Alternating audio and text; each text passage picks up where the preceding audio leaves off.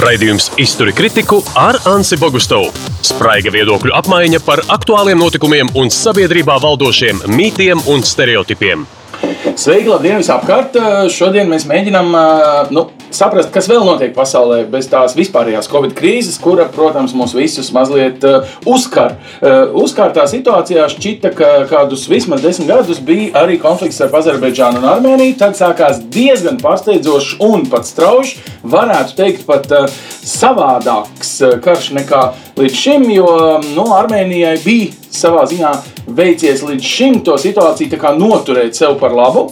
Daži cilvēki to pat sauc patiesībā par nu, daļas no Azerbaidžānas okupācijas. Azerbaidžānas tehniskās spējas ir uzlabojušās, un viņi varējusi nu, kādus, jā, katru piekto no okupētajiem, kā viņi to sauc, kilometriem patiesībā atgūt. Un šajā brīdī ir parakstīts jau miera līgums, kur miera uzturētāji ir Krievija. Un tas savā ziņā mm, nepārsteidz un savā ziņā tāpat laikā pārsteidz. Nu, jātiek galā, kas tad notiek Kaukazā, kā atblāzums Kaukazā kaut ko dod vai nedod, piemēram, Krievijas līderiem, tā, tā skaitā iesaistot arī vairāk un vairāk arī Turciju, kurai ir savs intereses. Nu, tas tādā virsraksta līmenī. Šos divus virsrakstus man mēģinās uh, izšķeterēt divi politologi, Veikals Polītis, sveiks, Veikal. Veikal ir bijis gan saimnes deputāts, gan arī uh, strādājis aizsardzības ministrijā savā jaunībā jaunībā, jā, nu tādā ziņā eh, uz militā, militāru uz dzīvi vienmēr ir skatījies ir Raimons Rublovskis. Viņš gan tagad ir atvaļināts militāra persona un arī vairāk politologs, bet nu, katram jums ir sava mm, sāls dzīvē un savs veids, kā jūs skatāties. Klau, nu, varbūt, uh, Raimond, tu varētu sākt tas, ka Krievija šajās dienās ar lielu pompu paziņo, un mēs būsim tie miera uzturētāji. Es saprotu Krievijas intereses tajā reģionā, bet vai tas nav rietumu vājums, ka um, paziņojumos pirms pāris dienām Francijas prezidents skaļiem vārdiem izvirza kaut kādas tur miera garantijas armēņu civiliedzīvotāju nodrošināšanai uzrunāzē, bet tad, kad reālā rīcībā ir kaut kas nu, jādara, jāieņem pozīcija un jākļūst kaut vai par šīm miera garantētājiem, uh, tad vien vienīgie ir uh, Krievijas militāri personas. Man tas liekas, nu, tā kā divkosīgi no rietumu viedokļa. Nu, es domāju, ka Turcijas prezidents Erdogans uh, diezgan precīzi norādīja, ka viņš nu, visticamāk nereķināsies ne Franciju, ne Eiropas Savienību.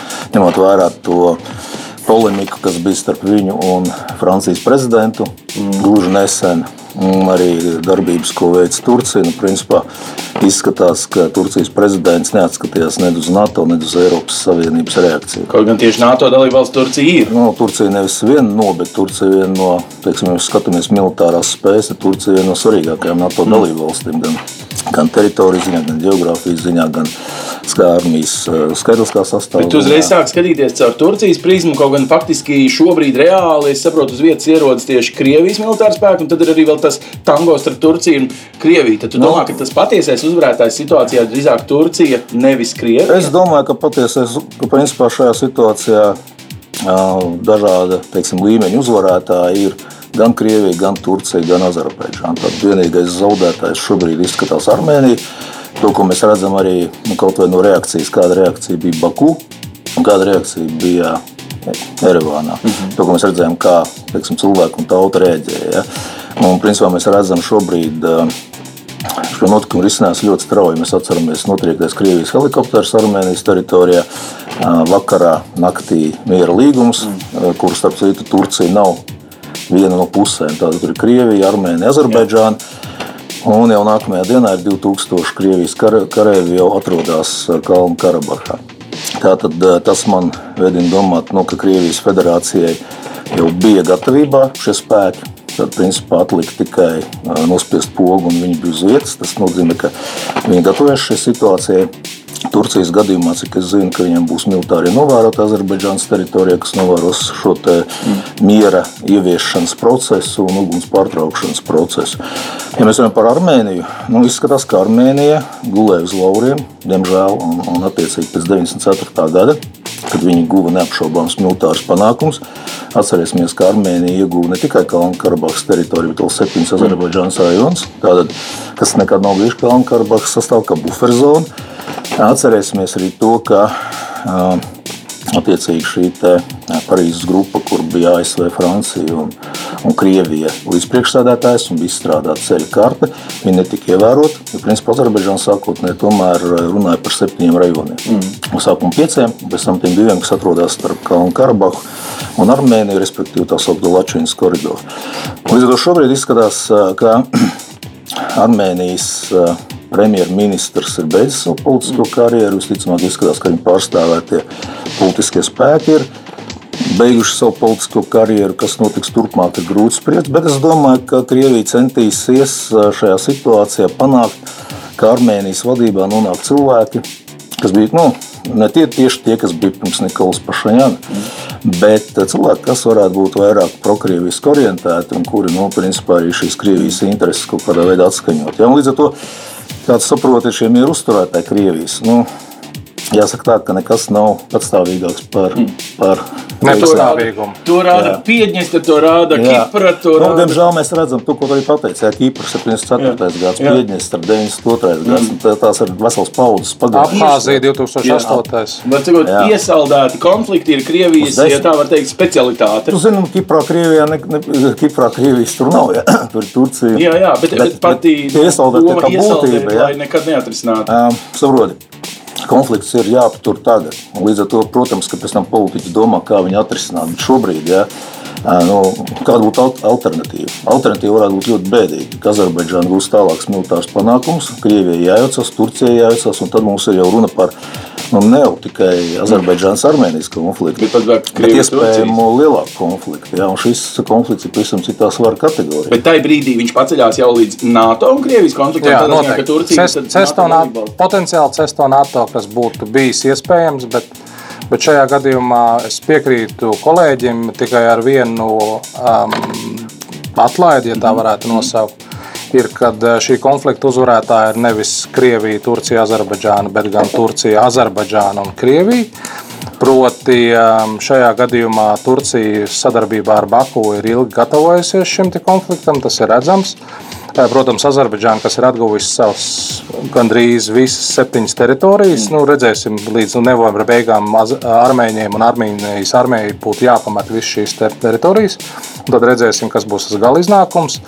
Bet ģeopolitiski Krievija ir, ir guvusi nu, teiksim, vēsturisku zaudējumu, jo viņa ir zaudējusi 1828. gada Turkmenačinskas līgumu ar Persijas impēriju tajā laikā, kur pēc būtības pirmo reizi jebkurš nu, nekad tas agrāk vēsturē nav bijis, kad Krievijas vai PSRS vadītājs ir ļāvis Turcijai būt atpakaļ Kaukazā un diktēt kaut kādus noteikumus. Tā kā šajā gadījumā mēs nezinām precīzi, kāda būs Turcijas miera uzturētāja vai, vai kas arī viņa nebūtu, bet kādā veidā viņa ar Krieviju Stepanakērtā nodrošinās miera ievērošanu. Tas ir tīri tehnisks dabas jautājums, tā kā tas vienmēr pamiera, jaut, pamiera gadījumā notiek, kad nevis politiķi to dara, bet pirmkārt to dara ģenerāļi un virsnieki, kur viņi pasaka, kurā vietā tātad ir robeža un kādā veidā mēs viņu ievērosim, kādas ir procedūras.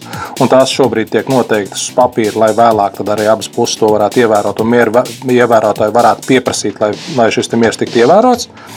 Un šajā gadījumā mēs redzam pilnīgi jaunu ģeopolitisko situāciju. Turcija ir uh, Kaukazā, uh, līdz ar to piecu gadu laikā mums ir jāievēro šis miers, pēc tam mēs redzēsim. Nu, šeit, kā Rublauskungs teica, Armēnija ir zaudējusi, un Armēnija ir jāveic nežēlīgas reformas, lai viņi varētu nodrošināt savu suverēnā eksistenci.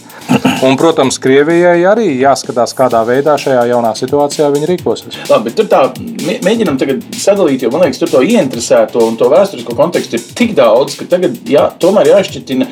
Tātad karš sākās tāpēc, ka Azerbaidžāna bija sagatavojusies un gribēja Armēnija it kā cīnījās pretī, daļēji tagad pat ir pieņēmusi, ka šīs okupētās zemes ir jādod, jo tas ir nu, pārsteidzoši pret viņu līdzinējo attieksmi. Tas ir tāda piekāpšanās, ka gandrīz tā kā sāk izskatīties, ka viņi ir vairāk nekā tikai pašam Armēnijas prezidentam glābt tādu, vai kā viņš tur saka, kaut, kaut daļu no Kalnu Karabaha tomēr nosargāt. Tad, nu, tur ir uzvarētāji Tātad, diplomātijā un militārajā laukā. Jā, militārais un diplomātija un militārā sadarbība vienmēr ir roku rokā. Mm -hmm. Tātad pirmais ko Rublovskungs teica.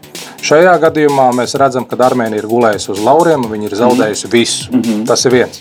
Numur divi - Armēnija cerēja uz Krievijas sadarbību kā uz sabiedroto. Jā. Krievija viņu uzmet. Tas ir otrs. Ļāva cīnīties, un beigās atbrauc, nu, būtībā izgriež rokas tiem armēņiem pašiem. Nē, nu kā, nu, ja mēs esam sabiedrotie, tad mēs palīdzam. Neformāli, formāli, vienalga kā būtu. Bet šajā gadījumā armēņi gulēja uz lauriem, cerēja uz palīdzību arī no saviem no savas teiksim, lobby grupas Maskavā un Diasporā. Diemžēl neviena ne otra grupa nespēja neko palīdzēt, lai noturētu pozīcijas Karabahā. Jo starptautiskās tiesības ir pilnīgi un vienīgi Azerbaidžānas pusē. Mm -hmm. Tas ir numur divi. Un numur trīs ir tas, ka mēs redzam, ka Krievijas ieroču sistēmas, te var būt dziļāka diskusija, un varbūt mums rādio pārraidē tam nebūs laika, mm -hmm. bet Krievijas ieroču sistēmas var būt tikai tad, ja viņas ir pilnīgi integrētas ar visām pārējām mm. nu, teiksim, karaspēka vienībām ar visu pārējo. Bet, ja viņa no sabiedroto puses ir atstātas, un ja gaiss uh, nav tīrs, nav piesakts, tas bija vienkārši nožēlojami skatīties, kā armēņu virsnieki nav apmācījuši savus karavīrus nevirzīties grupās, naktī ne, negulēt grupās. Tas ir to, ko mums pat zemesardzē māca. Vai ne šajā gadījumā vienkārši redzot naktī nakts redzamības iekārtām, kā var cilvēks vienkārši nu, nokapāt, jā, nokapāt vai ne? Nu, tas tā ir Armēnijas virsniecības neizdarīja. Nu, un, un, laikam jāpamana arī, cik tehnoloģiski advancēti un tātad varējuši sapirkties, tā teikt, es atvainojos par tiešām par naftas naudu, nu, sapirkties tehnoloģiju. Vai tas ir pārsteigums? Nē, nē, nu nafta taču viņiem ir un armēņiem nav. Tātad, kam ir nauda, tam ir savā ziņā moderni ieroči. Labi, bet um, mm, Raman, tagad tīri mēs uh, padomājam par Krievijas miera spēkiem. Vienkārši paņemam atsevišķi, noliekot viņus kā 2000 cilvēku. Um, ja pasako pēdējās dienās tai, tam veidam, um, nu, es atvainojos, bet man tas atgādina, nu, kā ierodas Krievijas tanki Latvijā un seko uzreiz uh, propaganda. Nu, es domāju par uh, pirms um, tātad, otrā pasaules kara. Nu, ar ziediem cilvēki sveic. Un, un tā. Tas ir vienkārši normāli jāuzsver, ka Krievijai šobrīd ir izdevīga uzvara. Nu, kaut vai brīdī, kad 20,000 cilvēku katru dienu tiek inficēti, tad skaidrs, ka varbūt nevis tu militārā darbībā gūst uzvaru, bet ar militārām lietām saistītā uzvara. Man liekas, tik pārspīlēta viņu iekšējā propaganda. Viņiem taču ir kā propaganda par to, ka tieši Krievija spēj nodrošināt mieru uzturētāju spēkus vai ko. Būtu drīzāk izdevīgi nu, rietumu acīs parādīt, klausieties, veči, kamēr jūs tur ar Covid Covid ņematies un nespējat sevi uzvarēt, mēs jau redziet, atkal kontrolējam Kaukazā vairāk nekā m, mm, savā ziņā līdz šim uh, bijām tur. Nu, tātad, Krievijai šobrīd pat ir ļoti nu, izdevies. Parasti Krievijai, ka kaut ko vajag uh, uzlabot uh, reitingos, uh, sapratu, arī Amerikai, mm, notiek kari. Šoreiz ir nevis karš, bet aizvien nu, tāda tā kā ātra uzvara. Nu, tā tikai no Krievijas puses. Es nedaudz pakomentēšu, Eko. Es domāju, ka tiksim, situācijā, kad ir šie, protams, dažādi līgumi starp kur Armēnija arī daļa no šī teiksim, kolektīvās drošības un aizsardzības sistēmas. Bet tomēr ir jāatcerās konteksts. Nikola Pašaņāns uz tautas pleciem, teiksim, tēkraklā, mugursomiņā tika ienests. Nu, moderns līderis, ja, moderns līderis, jā. Mums uh, ir jāsaprot, ka Maskava nekad nav akceptējusi kā draudzīgu līgumu. Pilnīgi piekrīt. -hmm. Līdz ar to saprotiet, šeit ir runa par to, jā, man ir līgums ar tevi, man ir līgums ar valsti kā tādu, bet ja man tur ir līderis, kurš praktiski nu, uh, ir noskaņots proretumnieciski, mm -hmm. ja, nu, tad nu, Krievijas viedokļi viņi izdarīja, manuprāt, ciniski, bet ļoti pareizi. Viņi ļāva nosiņot, viņi ļāva bet šajā gadījumā mēs redzam, piedot, eh, bet jā. šajā gadījumā mēs redzam vecā Otto von Bismarka sakāmais mm. par Krieviju ir pilnīgi taisnība līgums, ar, kas parakstīts ar Krieviju, nav vērts tā papīra, uz kur viņš ir parakstīts. Mm. Bismarks teica, manuprāt, par visiem līgumiem. Nu, nē, pa Krieviju, pa Krieviju, pa Krieviju, pa Krieviju. Tas ir, nē, Bismarks runāja par specifisku. Tas bija specifisks, viņš gan bija garāks, viņš bija runā arī par to, ka ar nevajag līdz ar to ar Krieviju iesaistīties tikai tāpēc, ka viņi nevar uzticēties. Bet tā pēdējā daļa ir par to, ka viņi, Krievijas līgums ar Krieviju nav vērts tā papīrus, kā viņš ir paredzējis. Tomēr, ja mēs, mēs tagad atgriežamies daudz nopietnākā situācijā, nu, saprot. Mēs atgriežamies tajā situācijā, ka neviens līgums vairs nav vērts tā papīra. Mm -hmm. Praktiski šī līguma sistēma pasaulē ir, ir sabrukusi daudzās ziņā. Mēs esam atgriezušies pie nosacīti lielvaru spēku politikas. Uh -huh. Mēs esam atgriezušies veikalu pie tā, ko teica Tukibīts. 2500 gadu melus dialogā. Ka līgums strādā tikai starp spēkos līdzīgiem, kur pretī Ah. spēcīgie dara savu varu, ko var, un vājiem jācieš to, ko viņiem jācieš. Mm. Jā, apmēram tā. Nu, filozofija ir, bet jā. arī politiska Bet tu saproti, tas tā, uz tā balstās visu šī reāla politika jau 2500 gadus. Un, principā, kā jau teicu, es vienkārši to saku, to, ka visticamāk Krievijas federācija padomāja, ka ja Nikola Pašaņāns un viņa teiksim, komanda cietīs militāru sakāru, un tas nozīmē, ka viņi tiks nu, noslaucīti no Armēnijas politikas. Tātad, kas nāks viņu vietā? Viņu vietā iespējams nāks cilvēks, kurš atkal vairāk integrēsies teiksim, Krievijas interešu zonā. Tas ir punkts viens. Punkts divi. Nu, šobrīd ir 2000 Krievijas karavīru atslēgas pozīcijās Karabahā un Latvijā, nevis 2000 Turcijas karavīru. Mm. Tātad tas ir teiksim, punkts numur divi. Treškārt, ko es gribu pakomentēt arī par Turciju. Mums nevajag aizmirst par Turcijas milzīgajām problēmām. Bet arī nē, paralēli. nē, nē, bet, nē, bet, būsim precīzi. Arī veikal. Krievija ir vēl trakākas Es problēmas kā Turcija. Nu, būsim, es runāju par Turciju. Tur- Tāpēc, ka mēs runājam par Turcijas ambīcijām, ka Turcija ir uzvarēta. Pirmais jautājums. Turcijas spēja izveidot teiksim, kaut kādu lielās Turkistānas formātu mm. centrālo Aziju. Manuprāt, aizmirsīsim par to. Jā, aizmirsīsim par to. Jā. Tālāk. Kurdu jautājums nekur nav pazudis. Nav risināts. Nav risināts. Mm -hmm. Trešais. Nu, jautājums ar Grieķiju, kuram, manuprāt, ir pat naidīgas attiecības ar Turkiem, Nu, kā. Armēniju. Tas ir principā mm. arī NATO iekšpusē neatrisināms jautājums. Mm. Nu, jau es pats esmu redzējis, jā. tas viss uh, turējās tikai nu, teiksim, NATO iekšpusē uz kaut kādiem plus-mínus pieklājības formātiem, kuru pretī uh, es varu pateikt pat vienu īsu atgadījumu. Mm. Savā laikā mēs bijām vizītē Grieķijā, Grieķijas karte. Uz austrumiem nekā nav. Mm. Grieķijas karte, viss ir, austrumos vispār nav. Pelēks. Tur, kur salas beidzās, nav vispār nekā. Okay. Un tur tika uzdots jautājums, nu, tur tomēr atrodas NATO dalība valsts. Ja, nu, tas jautājums tika apiets. Ja, līdz ar to jau tad šis konflikts pastāvēja. Šobrīd viņš vēl lielāks. Tālāk Turcijai, protams, ir konflikts ar Makronu, mm. ar Franciju. Mm. Ar, nu, teiksim, Krieviju varbūt ne gluži šobrīd, ja, bet es gribēju teikt, ka Turcija savus, teiksim, tā, protams, grūti komentēt, Erdoganam ir sapnis atjaunot Osmaņu impēriju. Tā izskatās no malas pēdējos gados. Bet, manuprāt, nu, arī tur sveika var piekrist. Viņam nav ne resursu, ne iespēju to atjaunot. Ja? Tur viņi mēģināja Lībijā, mēģināja Sīrijā. Protams, mēs varam atcerēties, ka Sīrija, protams, ir 500 gadus bijusi Osmaņu impērijas sastāvā. Ja? Un, un vēl viens moments, nu, ja mēs skatāmies no imperialistu viedokļa. Tad, kad Erdogans paskatās uz kārtu, teiksim, Osmaņu impērija 1914. gadā un, un teiksim, Turcija 2020. gadā, nu, mēs visi zinām, ko viņi ir pazaudējuši, kādas teritorijas pēc Pirmā pasaules kara.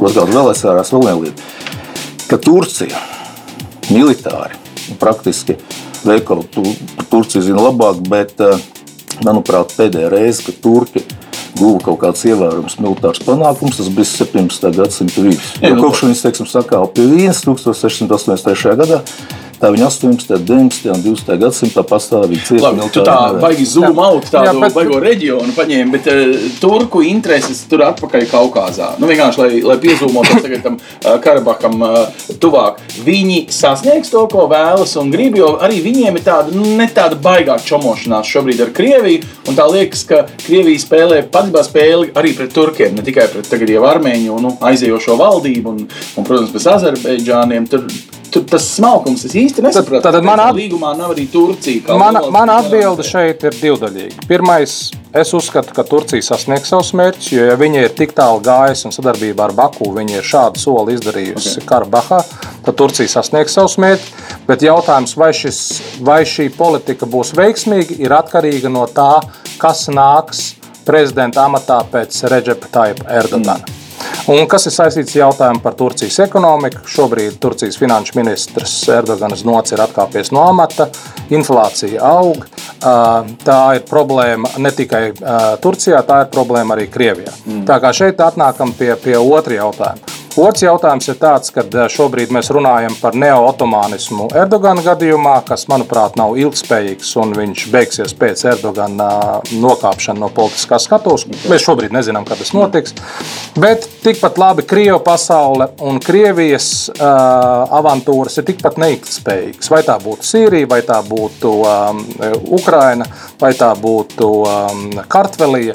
Šajā gadījumā mēs redzam, ka abas divas valstis ir tās pašas, kuras pēc Pirmā pasaules kara nesagrūva pilnīgi, tika atzemdinātas PSRS sastāvā. Turcija šajā gadījumā ir labākā situācijā, jo Kemals Atatürks, Turcijas pirmais prezidents pēc republikas nodibināšanas, tomēr uzskatīja, ka ir jānostiprinās Turcijas nācija valstī. Viņš izveidīja Turcijas nāciju valsti. Viņai ir problēmas, protams, ar kurdiem, bet viņas pozīcijas ir stingras un nepārprotamas. Kamēr Krievijai joprojām ir jautājums par to, kāda būs Krievijas nācija valsts, uz to pašu Krievi nezinu vēl atbildēt. Tad Krievijai no tā viedokļa ir izdevīgi iesaldēt, un tad jau redzēs, kā risinās atsaldēs pa daļām. Precīzi, precīzi. Ilgtermiņā. Principā ilgtermiņā. tos četri, eh, šobrīd tā, cik bija 400 ir atvesti, 2000 būs 2000 kopumā, būs kopā. Jā. jā, 2000 drošības spēkus principā tur turēs, nu, es atvainojos, nezinu, vai gadsimtiem tad redzēs. Bet... Un šobrīd vismaz 1000 turku militāru personas jau ir Azerbaidžānā. Tā kā kurā brīdī viņas nonāk Karabahā, kas ir Azerbaidžānas teritorija, izkontrolēt neviens nevar. Jā, tā kā šī, šīs runas. Tagad ļoti interesanti. Tu teici, militāra personas Krievijas eh, mēdī visu laiku no rīta līdz vakaram saka, ir atvorčiskīs sīkums. Kas tad viņiem atliek? Uzturētāji spēki. Bet jautājums ir tas, ko es dzirdēju no Raimonda. Tas var kļūt par jaunu frontes līniju. Bet, protams. Krieviju un NATO. Un tā, tad Azerbaidžānas Armēnijas teritorijā karos patiesībā šīs eh, nu, Nē, Turcija un Krievija. Šajā gadījumā NATO nevar liekt savai dalībvalstī nodarboties ar avantūrām. Nu, tas nu, pagaid, jocīgi. Tas skan ļoti labi. Latvieši kā NATO valsts principā leģitimizējam avantūru. Nē, tā nav. Nē, vēsturē nē. arī var vērsties. Ansi, paskaties vēsturē. 1974. gads Kipra. Nu, jā. divas, divas NATO dalību valstis viena ar otru dodas karā un risināja šo jautājumu, iesaldēja. Tā kā šajā gadījumā tieši tas pats ir avantūriska NATO dalību valsts. NATO nosoda, NATO saka, nevajag un tā tālāk, bet dalību valsts vadītājs ir saudabīgs. Es diplomātiski nu, teiktu, ka daudz tur ir saudabīgi tajā reģionā.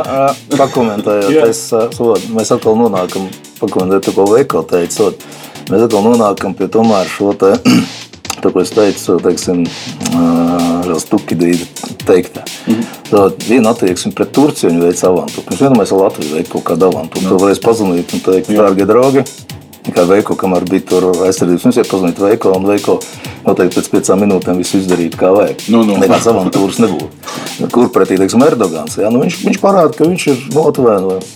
Es negribu teikt, sultāns, jā, mm. bet viņš parāda, ka no, nu, viņam nekāds Makrons nav, teiksim, noteicējs, noteicējs jā, viņa darbībām. Viņš vadās tikai no savas izpratnes par Turcijas interesēm.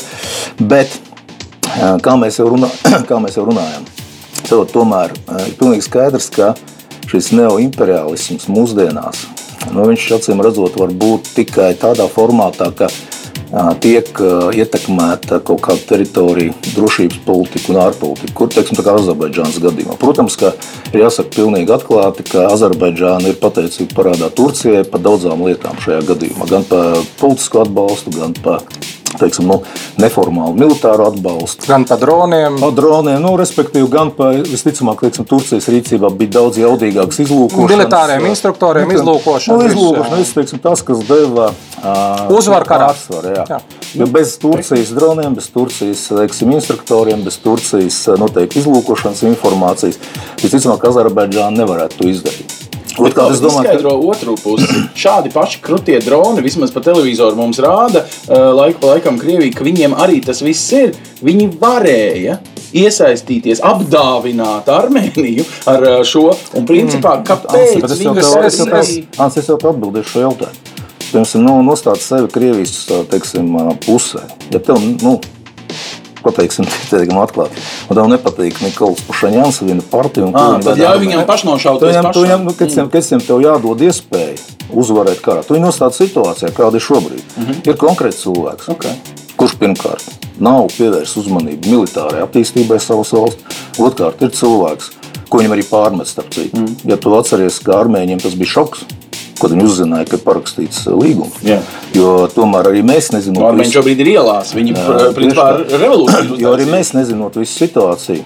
Sākotnēji šķita, ka armēņiem ir izdevies apturēt ofensīvu, mm. ka armēņi notur situāciju Karabahā un ka Azerbaidžānai būs grūtības uzturēt šo ritmu un uzturēt šo te, teiksim, momentu. Bet izrādījās pēc kāda laika, to, ko viņš teica, ja, ka izrādās Stepanakar tur varētu apdraudēt 20 tūkstoši armēņu karavīru, varētu aiziet bojā un tā tālāk un tā joprojām. Protams, viņš nevar to visu novelt uz tikai Kalnu Karabahas teiksim, līderiem. Protams, ka viņš uzņemsies šo atbildību. Visticamāk, aizsardzības ministrs Armēnijas. Nu, es domāju, ka būs ļoti, ļoti daudz nozīmēto vainīgu par šo mm. situāciju.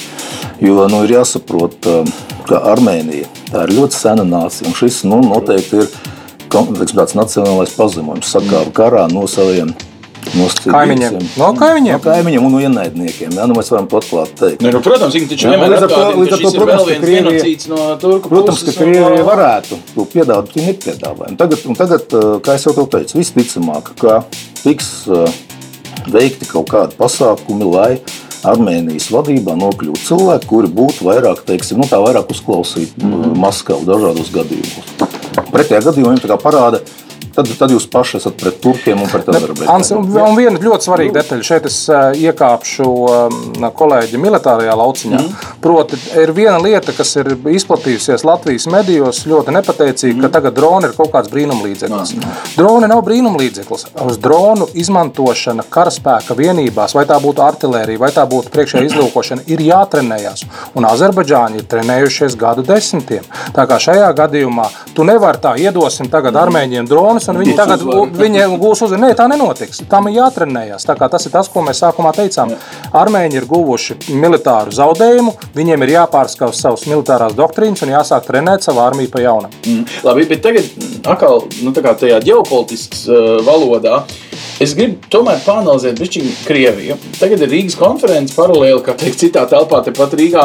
Un tur viens no tiem kā, argumentiem ir, ka Covid laikā um, mums ir nu, gandrīz tā kā skan jāpriecājas, cik novājināta un fokusēta uz iekšpolitiskām problēmām ar 20 tūkstošiem dienā inficētu cilvēku un tā tālāk ir Krievija. Nu, proti, ka Covid viņu ir ievainojis. Tagad, ko es skatos savukārt kartē, es redzu, ka Krievijas specialitāte pēdējās desmitgades ir vien vienīgi, ja nevar savādāk savu, kā viņi to sauc, buferzonu nodrošināt. Viņi vienkārši ātros tādos izlaicienos uh, iesaldē konfliktu. Cik labi Sīrija tagad arī daļēji Krievijas interesēs, uh, nu, kaut kas uh, tur notiek, kaut kas nenotiek, grūst. Tikpat labi lūk, tagad uh, Kaukās un tā.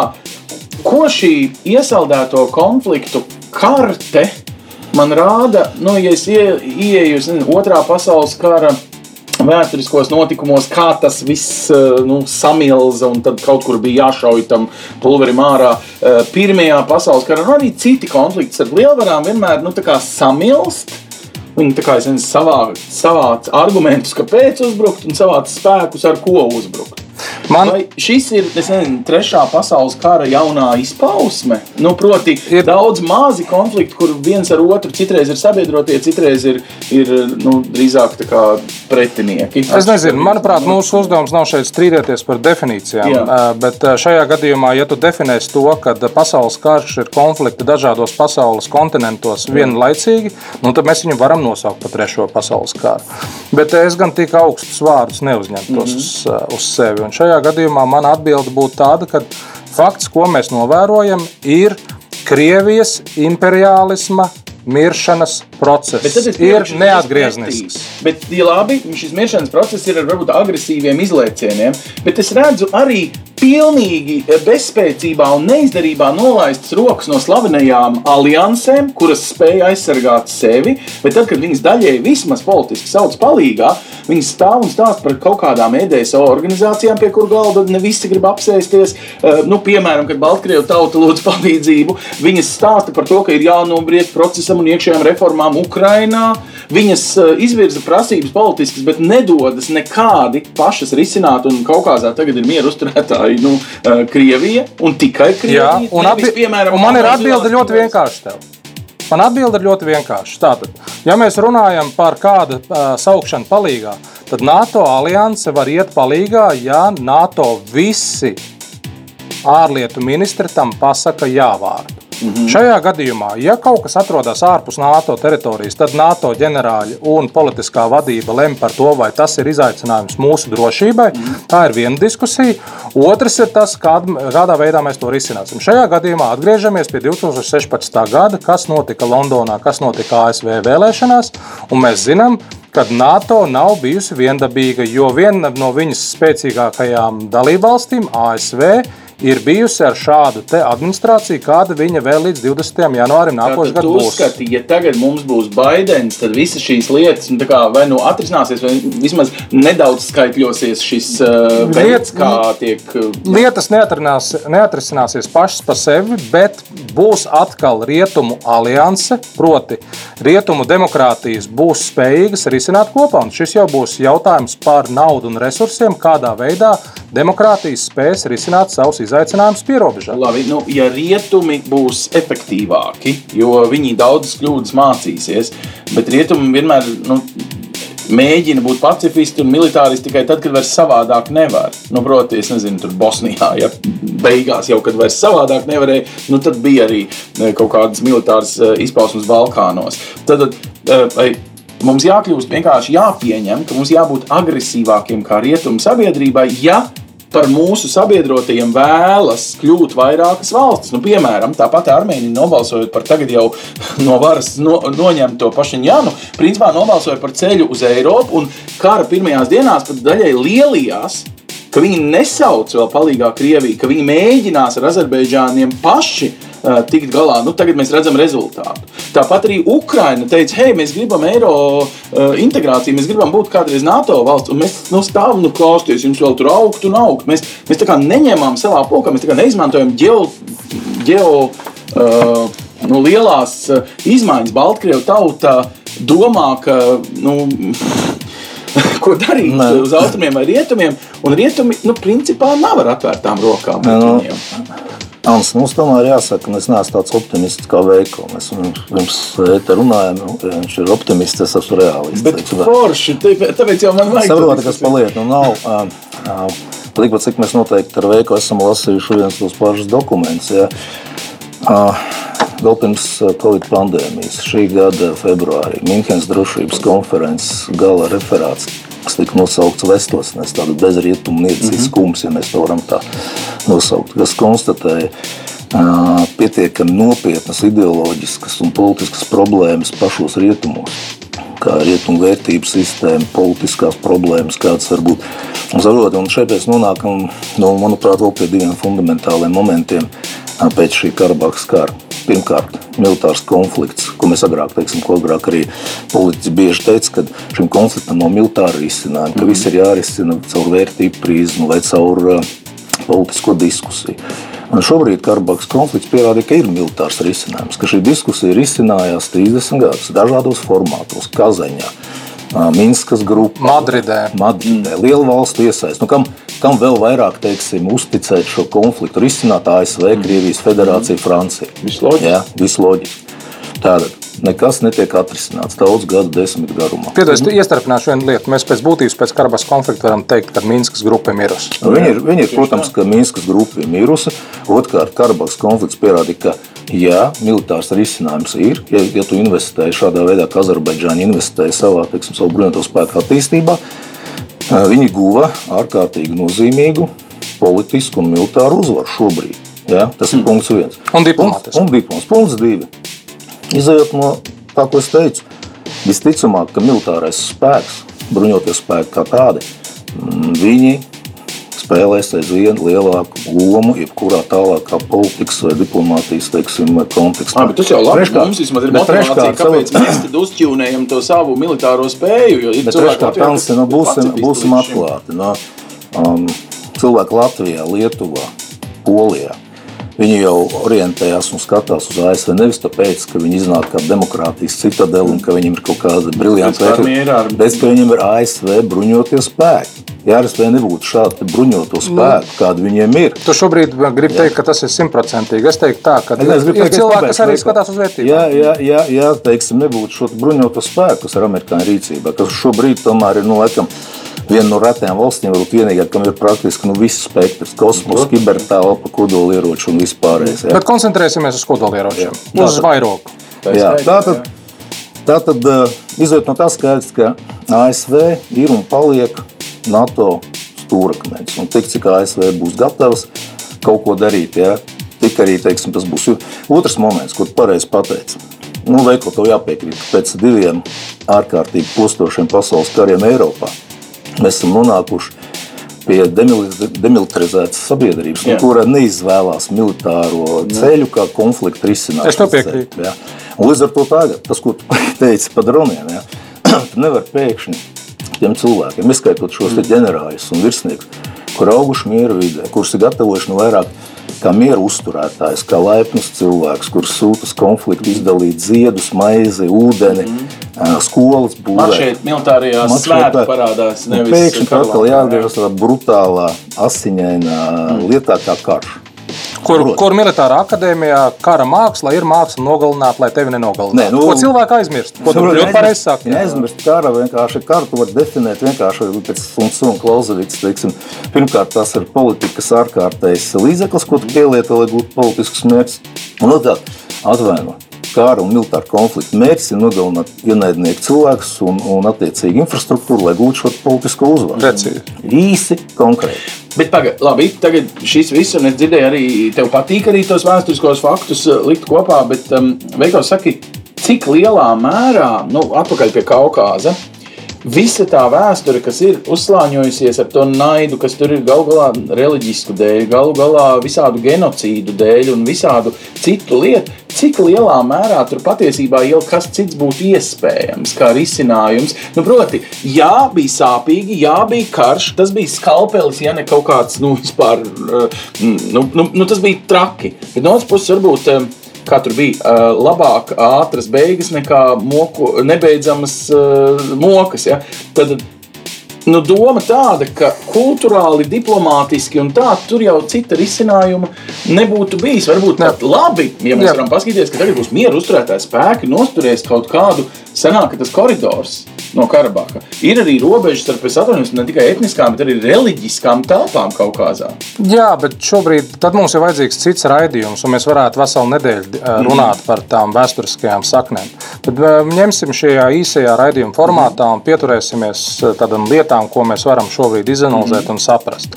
Tad šajā gadījumā pēc būtības Kaukāza konflikta sekas ir to, ko Raimons teica. Tātad tā ir pirms uh, otrā pasaules kara lielo varu konkurences sekas. Tātad šeit saskarās triju impērisku interešu uh, punkti. Tātad tā ir Persijas impērija, tā ir Otom, Osmaņu impērija un tā ir Krievijas impērija. Un šajā gadījumā viens ir vēsturiskās impēriskās attiecības, kuras transformējās, un šeit jau ir jautājums par to, kādā veidā ANO EDSO un citi principi ir iedibinājušies. Šajā gadījumā es pilnīgi nepiekrītu Raimondam, ka mēs esam atgriezušies pilnīgi pie lielvaru konflikta, jo galu galā starptautiskās tiesības eh, tiek izmantotas no Turcijas un no Azerbaidžānas puses. Eh, Bet pamatu pamatā, ja mēs runājam par vēsturi, tad es uzskatu, un šis ir mans arguments numur viens, ka šādā situācijā, kur ir Armēnija un Azerbaidžāna, viņu nacionālās un suverenās ilgspējas interesēs ir vienoties, lai viņu politiku nenosaka Maskava un Ankara. Diemžēl tas nav izpildījies, un mēs redzam, ka šobrīd Karabaha konfliktu nosaka Ankara un Maskava, nevis Baku un Jerevāna. Ja? Tas ir viens. Otrs ir, ja mēs ejam atpakaļ vēsturē, tad pēc būtības Armēņu un Armēnijas diaspora, un es uzsveru diasporu gan Maskavā, gan Parīzē, gan Kalifornijā, joprojām dzīvo kaut kādos sapņos par Lielārmēniju, no Melnās līdz Kaspijas vidusjūrai. Eh, Šeit ir jautājums par to, kādā veidā dibinājās Armēnijas valstiskums, kādā veidā viņi saprata savas valsts robežas un kādā veidā viņi ir darbojušies arī teiksim, informācijas telpā, apliecinot savas tiesības uz Karabahu. Un šeit, protams, ir, ir otrs jautājums, ir, kādā veidā Krievija ir nodrošinājusi armēņa aizsardzību, kur viņi ir aizsargājuši pareizticīgos kristiešus, un šobrīd kādā veidā viņi šos pareizticīgos ti- kristiešus, pateicoties savām interesēm, ir uzmetuši Nikola Pašinjāna personā. Attiecīgi tas vēl atspēlēsies uh, ilgtermiņā kaut kur. Bet tev iesaldēts konflikts jau pēc būtības, varbūt jādzird vārds iesaldēts. Tā tad nav konflikta, neliesmo. Mums tagad liesmo citas problēmas pasaulē. Vai tas nav, nu, es saprotu, ka tikpat labi tuvajos austrumos tas ir gadsimtiem, teiksim, Izrēlā bijis vai, vai ko, bet iesaldēts konflikts, nu, citiem nepatīk, ka tā ir nu, tā Krievijas uh, veids, kā viņi uh, risina lietas. Bet, uh, nu, nu, ko viņš dod un ko viņš ņem? Nu, es, piemēram, ekonomiski mēģinu iedomāties, iesaldēts konflikts, piemēram, Piedņestra. Ir veids, kādā es saprotu, tiek uh, par pelēku ekonomiku padarīts viss, kas pa pusē caur Piedņestru izceļo no, piemēram, tās ostas Ukrainā, nu, Ukrainas ostā. Liela skaista pilsēta. Nu, tad, tad Mēs ievedam kaut kādas krāvas, ievedam pieņestrā, samainām dokumentus, re, kur mums ir, es nezinu, amerikāņu vistiņas bez papīriem, pārdodam pelēkie ekonomika. Un tad iesaldēti konflikti jau ir cilvēkiem, nu, kas arī palīdz, nezinu, taisīt mafiozus darījumus, reģistrēt kaut kādas dīvainas firmas, nozūmēt kaut kādus. Nu, būs vesela armija ar cilvēku, kas no tā tikai pelnīs un berzēs rokas par to, ka wow, vēl viena kaut kāda pelēkā zona. Nu, karā vienmēr ir arī marodieri, karā vienmēr ir arī tādi, kā šito uztvert uzsvērt, ko tas dos reģionam? Lūdzu, lūdzu. Ļoti īsi. Tātad šajā gadījumā, protams, atbilde ir jā. Bet šajā gadījumā mēs redzam, ka šie visi iesaldētie konflikti pēc būtības nav risinājuši neko pēc būtības šo teritoriju un cilvēku attīstību. Mm, jā. šajā gadījumā visas šīs iesaldētās teritorijas ir dieva pamestas teritorijas. Mm, Nosauksim to šādā vienkāršā veidā. Tur nekāda nav, nav iespējama pēc definīcijas. Tā paša kā Kalnu Karabaha pastāvēja pateicoties zelta raktuvēm, mm. un šīs zelta raktuvas Karabahas iedzīvotāji nedēva neko. Viņas deva tikai un vienīgi divu ģimeņu mafiozām struktūrām, kuras pašas dzīvo Nicā. Mm. Tā kā, tā, tas ir viens piemērs. Un ļoti īsi nobeidzot, tad, ja mēs runājam par šo te, iespējamu iesaldēt, tad viena pozitīvā lieta gan ir.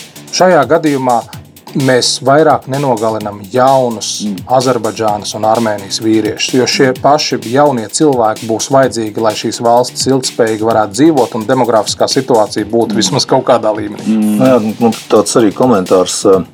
Nu, Paskaties, teiksim, tos oficiālos zaudējumus, ko sniedz Armēnijas puse vai Karabahas puse.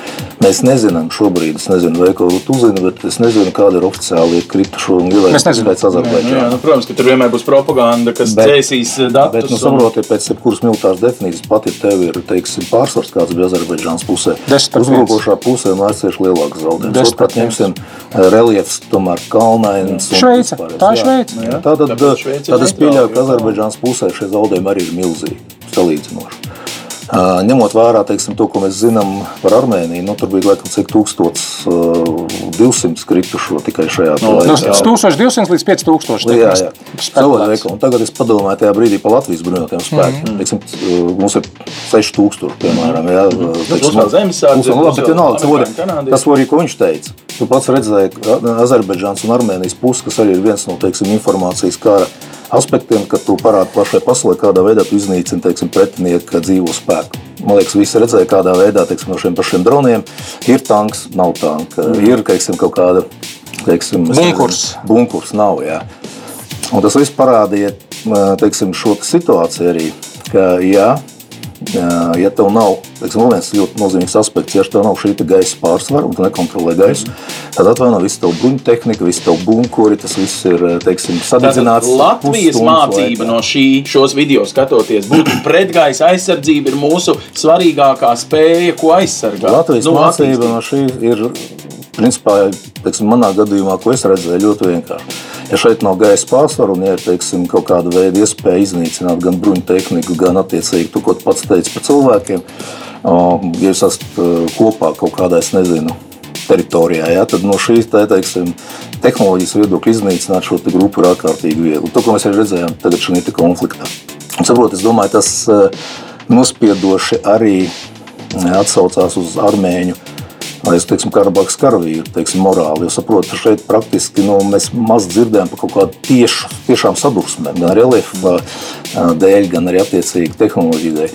Bet šie cilvēki bija absolūti neaizsargāti. Mm. Saprot, viņš, viņš sēž ar apziņu, ka teiksim, jebkurā brīdī no gaisa var tikt iznīcināta viņa bruņmašīna, viņa tanks, viņa bunkurs. Viņa, viņš, neko nevar izdarīt, viņš neko nevar izdarīt. Viņš neko viņš ne... psiholoģiski jā, viņam nav, viņam nav nekādas iespējas kaut kādā veidā reaģēt, noslēpties, kaut ko mainīt savā teiksim, nezinu, Izdzīvot algoritma spējā, jā. izdzīvot spējā. Un tas, protams, ir moments, kurš atkal pierāda pirmkārt tehnoloģiju attīstības nozīmi, otrkārt tas, kas kontrolē gaisa telpu, tas principā kontrolē tālāko kara darbību. Nu, nevelti Latvijas tuvākie nākamie gadi ir pirkumi tieši gaisa sistēmās, gan, protams, arī kaujas helikopteros, gan pretgaisa aizsardzības dažādās sistēmās. Tu aizvien, kā politologs, kā deputāts, kas ir strādājis aizsardzības komisijā, un tā, tu jūties nu, drošs, ka mums viss ir tā kā, kā no katra cita kara var mācīties. Nu, piemērs. Nekad jau tas nākamais nebūs tāds pats karš, bet tomēr vai ir kaut kas, ko tu paņem tādai analīzē? Aha, Latvija no šī var paņemt. Nu, Bet, protams, šajā Piemēram. gadījumā nu, mēs mācījāmies arī no tā, kas notiek šobro, joprojām notiek Ukrajinā. Mm. Un, uh, es uzskatu, ka uh, gudras nācijas mācās no citu kļūdām, un muļķas nācijas mācās no savām kļūdām. Tā kā šajā gadījumā tas ir ne tikai militārais, ko mēs šeit apspriedām, bet šeit ir arī, arī uh, gan politiskais, gan arī diplomatiskais aspekts. Un šajā gadījumā Baku un Ankara, zinot um, Erdogana un uh, šī brīža ASV administrācijas uh, sevišķās attiecības nu, un Azerbaidžānas lobija loma ASV, viņi bija izrēķinājuši precīzi. Tātad ASV vēlēšanas ir tas mazais lai, laika sprīdis, tas, uh, ko angļu sauc par window opportunity, mm -hmm. ko viņi izmantoja perfekti. Tātad nevienam nebija iespēja neko ies, iespringt šajā gadījumā, ja būtu kaut kādas problēmas gājušas, un, un viņi, viņi izmantoja savas iespējas perfekti. Jā, nu- komentārs. eh, Un piedāvām pie tā visu, ko tu teici. Man jāapmetina tas, ko es teicu. Viņi visticamāk arī bija zinājuši, vai vismaz nojautuši par to, ka Krievijas federācija neiejauksies šajā situācijā tieši šo politisko iemeslu dēļ, ko es tev teicu. Un saliekot kopā visus šos trīs momentus, pašaņāna, teiksim, no Laika sakot, ne pārāk pārliecinošais. Pol- politiskās pozīcijas. Jā, politiskās jā. pozīcijas iekšpusē, pašaņāna ne pārāk labās attiecības ar Kremli, ASV prezidenta vēlēšanas.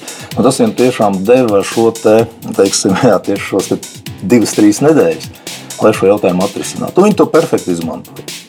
Ne, nu, eh, katrs, eh, kurš ir gudrs, kā teikt, ne tikai prātā un spēcīgs ar ieročos, eh, parasti nu, kaut kādu uzvaru gūst. Šoreiz gan uzvaru nevar nosaukt par uzvaru, bet gan drīzāk par iesaldētu jaunu konfliktu. Gan jau arī pirms tam jau viņš bija Bet- sasaldēts. Bet bū- bet būsim precīzi. Viņš bija saldēts no 94. Ceturtā jā. gada, bet būsim precīzi. Līnija. Jā, nu, nē, nē, bet arī neaizmirsīs. Un, manuprāt, svarīgi Latvijas klausītājiem to ir dzirdēt. Trīs reizes Armēnijas un Azerbaidžānas vadītāji bija vienojušies. Tātad vēl uh, Terpetras Jans prezidents un vecais uh, Heidars Alijevs, tad uh, Kočarjans un Heidars Alijevs, un arī tagad Ilhams Alijevs un uh, Kočarjans bija jau vienojušies, bet Maskava vienmēr nojauca viņus uh, vienošanos. Un šajā gadījumā tas ir tas, kāpēc es saku, ka uh, Maskava, protams, mēs varam teikt, kā uzvarētāji, jo viņi dabūja savus miera, uzturētājušanu- miera uzturētājus uh, Karabahā, bet tajā pašā laikā šī ir liela Turcijas diplomātiskā, ģeopolitiskā uzvara.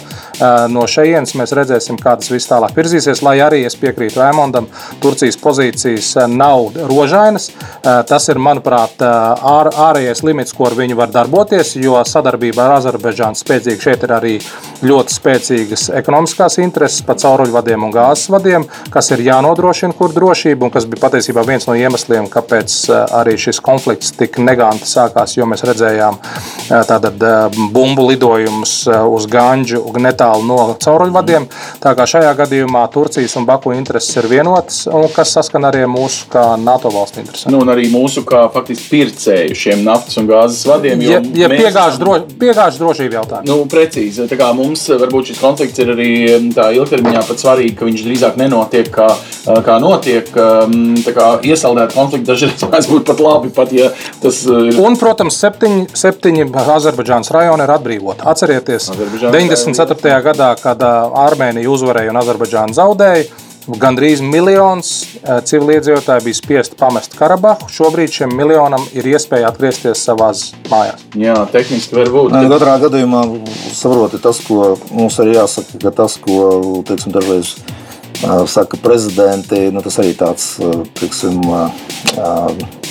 tāds labvēlīgs rezultāts, ko viņi cer. Un, Protams, ka nu, mēs nevaram nopietni runāt par to, ka Azerbaidžānas prezidents piedāvāja armēņiem palikt, ka viss būs kārtībā. Labi, nu, mēs ļoti labi saprotam, ka būs ja armēņi ir kaut kur šajās teritorijās, tad viņiem būs ticamāk jāpamet šīs teritorijas un attiecīgi jāatgriežas vai Armēnijā vai Viņiem faktiski tikai dažas Es domāju, es domāju, ka šeit iespēja tāda, ka viņi varētu turpināt dzīvot teiksim, kaut kādā uh, vienotā politiskā veidojumā, ir tuvu nulē. Mm.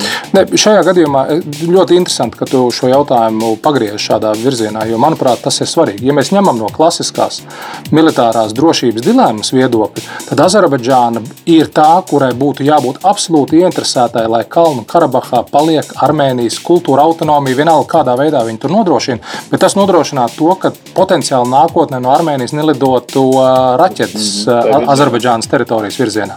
Tā kā tas, ko Ilhams Alijevs ir paziņojis, ka viņš vēlās un vēlās nodrošināt, lai tie armēņi paliek, ir patiesībā šobrīd izklausās kā vēlme domāšana. Nu, redzēsim, pieci gada laika ir kaut kā sadarboties. Jo šajā gadījumā, redzot, kāds zaudējums ir bijis un kad Maskava ir armēņus uzmetuši, es domāju, tas mainīs arī Armēnijas iekšpolitisko situāciju. Nē, vai, es domāju, ka es teikšu, ka nu, tas mainīs Armēnijas iekšpolitisko situāciju. Manuprāt, laiks rādīs, kā mēs teicām, ja, bet manuprāt, tas mainīs Armēnijas iekšpolitisko situāciju Krievijas virzienā. Tā iemesla dēļ, ka Krievija pateiks, Ja jūs gribat, lai mēs attiecīgi kaut kādu līgumu pildām, mēs jūs pakļaujamies. Ja? Pakļaujaties. Vēl viena bāze, teiksim, šajā gadījumā es tev piekrītu. Otra bāze ir. Ja? Līdz ar to veikalu. Nu, Viņi nepalīdzēs armēņiem, ja tur būs kāds teiksim, no, politiskais spēks, kurš būs nu, nosacīti daudzvektori, mm. kā mēs mīlam. Tā ir naša. Jā, tad, tad es domāju, ka Armēnijas principā, bet arī nu, skatoties no reāla politikas, nevis no kaut kādas abstraktas mm. vērtību politikas. No Armēņiem īstenībā nav daudz uh, iespēju, iespēju šobrīd. Mm. Viņi ir militāri sakauti, paskatieties geogrāfiju, ja, kā, jā, kas ir Armēnija. Paskaties, teiksim, visus pārējos aspektus, skaidrs, sastāv militāro budžetu. Vēsturiski, tā tad vēsturiskais narratīvs par to, kā armēņi ir veidojušies, tātad pirmā kristietīga, kristība, jā, pirmā kristīgā valsts, jā. tātad pareizticīgā jā. vērtības un vispār. Viss kopā, ja līdz ar to saproti, nu, ja tu esi tagad noliksim sevi Armēnijas līderu vietā. Kādas tev ir politiskās preferences un kāda ir politiskā izēja šajā situācijā? Tas, ko tu teici, tas, ne, tas, ko tu teici ja? Tu vari, protams, censties aktivizēt pietiekami ietekmīgu armēņu diasporu Francijā. Jā, Francijas prezidents izteica ļoti daudz dažādu mm. politisku lietu. Faktiski runājot par diasporu. Bet viņa iespējas kaut ko ietekmēt ir nulle. Bet cilvēki dzīvo tur uz zemes, Armēnijā. Un tur, un viņus, viņus interesē, kas nodrošinās viņu drošību šodien. Nevis, nevis abstrakti, mēs esam ar jums, mēs esam mm. kopā. Ja? Mēs to esam dzirdējuši. Jā, un otrs, salīdzināsim to ar mūsu pašu vēsturisko pieredzi, mm. proti, mūsu un mūsu diasporas attiecībām 90. un šobrīd. Viens ir, ko diaspora, protams, Vašingtonā, Stokholmā vai Londonā vēlējās, otrs, ko mēs šeit Rīgā uz vietas darījām. Sasniedzām, jā. Nu jā, un tur varbūt arī uh, diezgan liela vilšanās. Es, es ticu, ka tāda ir gan Latvijas diasporai, Amerikā, piemēram, uh, gan arī, protams, šobrīd armēņu diasporai par nosacīt mēģinājumiem, bet nesasniegt. Jo, jo diaspora pēc tam gribētu teikt vienu komentāru, ko Eko teica. Sot, diaspora, jebkura, nu, viņa zaudē saikni ar realitāti. Viņa, Protams, viņa, viņa dzīvo tajos jā. laikos, kad viņi... liela Armēnija. Viņi, viņi, viņiem ir citas ambīcijas, un viņi pēc tam nevar saprast, ka teiksim, realitāte šiem mm. 20, 30 gadiem ir izmainījusies pilnībā. Un, un filozofiski mums ir problēma arī ar vārdu diaspora. Jo diaspora implicīti nozīmē, ka mēs runājam par kaut ko viendabīgu un saprotamu. Bet viņi ir tik daudz šaurināji. Nu, Viņai ir tik daudz dažādas intereses. Dažādām paudzēm, pieredzēm, režīmiem, kuros dzīvots un galu galā arī kontinentiem, kuros vēl aizvien atrodas. Labi, redziet, kā sanāca. Sākām ar konfliktu Kaukāzes reģionā, beidzām ar pašu savu un armēņu diasporu pasaulē. Labā ziņa, ka mums ir par vienu karu tādā fiziskā sadursmes valodā mazāk šobrīd. Sliktā ziņa, ka tas nav atrisināts. Tas ir tikai uz mirkli iesaldēts. Nu, mirklis var būt, būs pieci gadi, tad jau redzēsim pie iepriekšējiem gadiem, cik jau ir tur bijis. Tas vēl aizvien ir un laikam arī vēl ilgi būs konflikts pirmkārt. Labi, mēģināsim katru reizi, kad tiksimies vēl EHR ēterā, šos sarežģītos virsrakstus, kas mēģinātu vienā teikumā izstāstīt, nu, tomēr izšķirtināt ar profesionāļiem, kas spēj mums mazliet izskaidrot kontekstus, var vēsturiskus un politiskus. Mums te ir sakrājusies jau diezgan liela daļa ar šādiem ierakstiem. Lūdzu, um, pārbaudiet, paskrolējiet uz leju, ja jūs lasat EHR mājaslapā, aplikācijā, podkāstu versijā, varbūt padodiet draugiem kādu linku, ja gribas kaut ko vairāk un labāk saprast. Um, nākamajā redzījumā visdrīzāk mēs jau sapratīsim kaut ko no iekšpolitikas labāk. Lielas paldies uh, Veikos Polītam, liels paldies Raimondam Rublovskim. Man kļuva skaidrāks. Paldies jums! Paldies! Visu labu! Projektu finansē Mediju atbalsta fonds no Latvijas valsts budžeta līdzekļiem.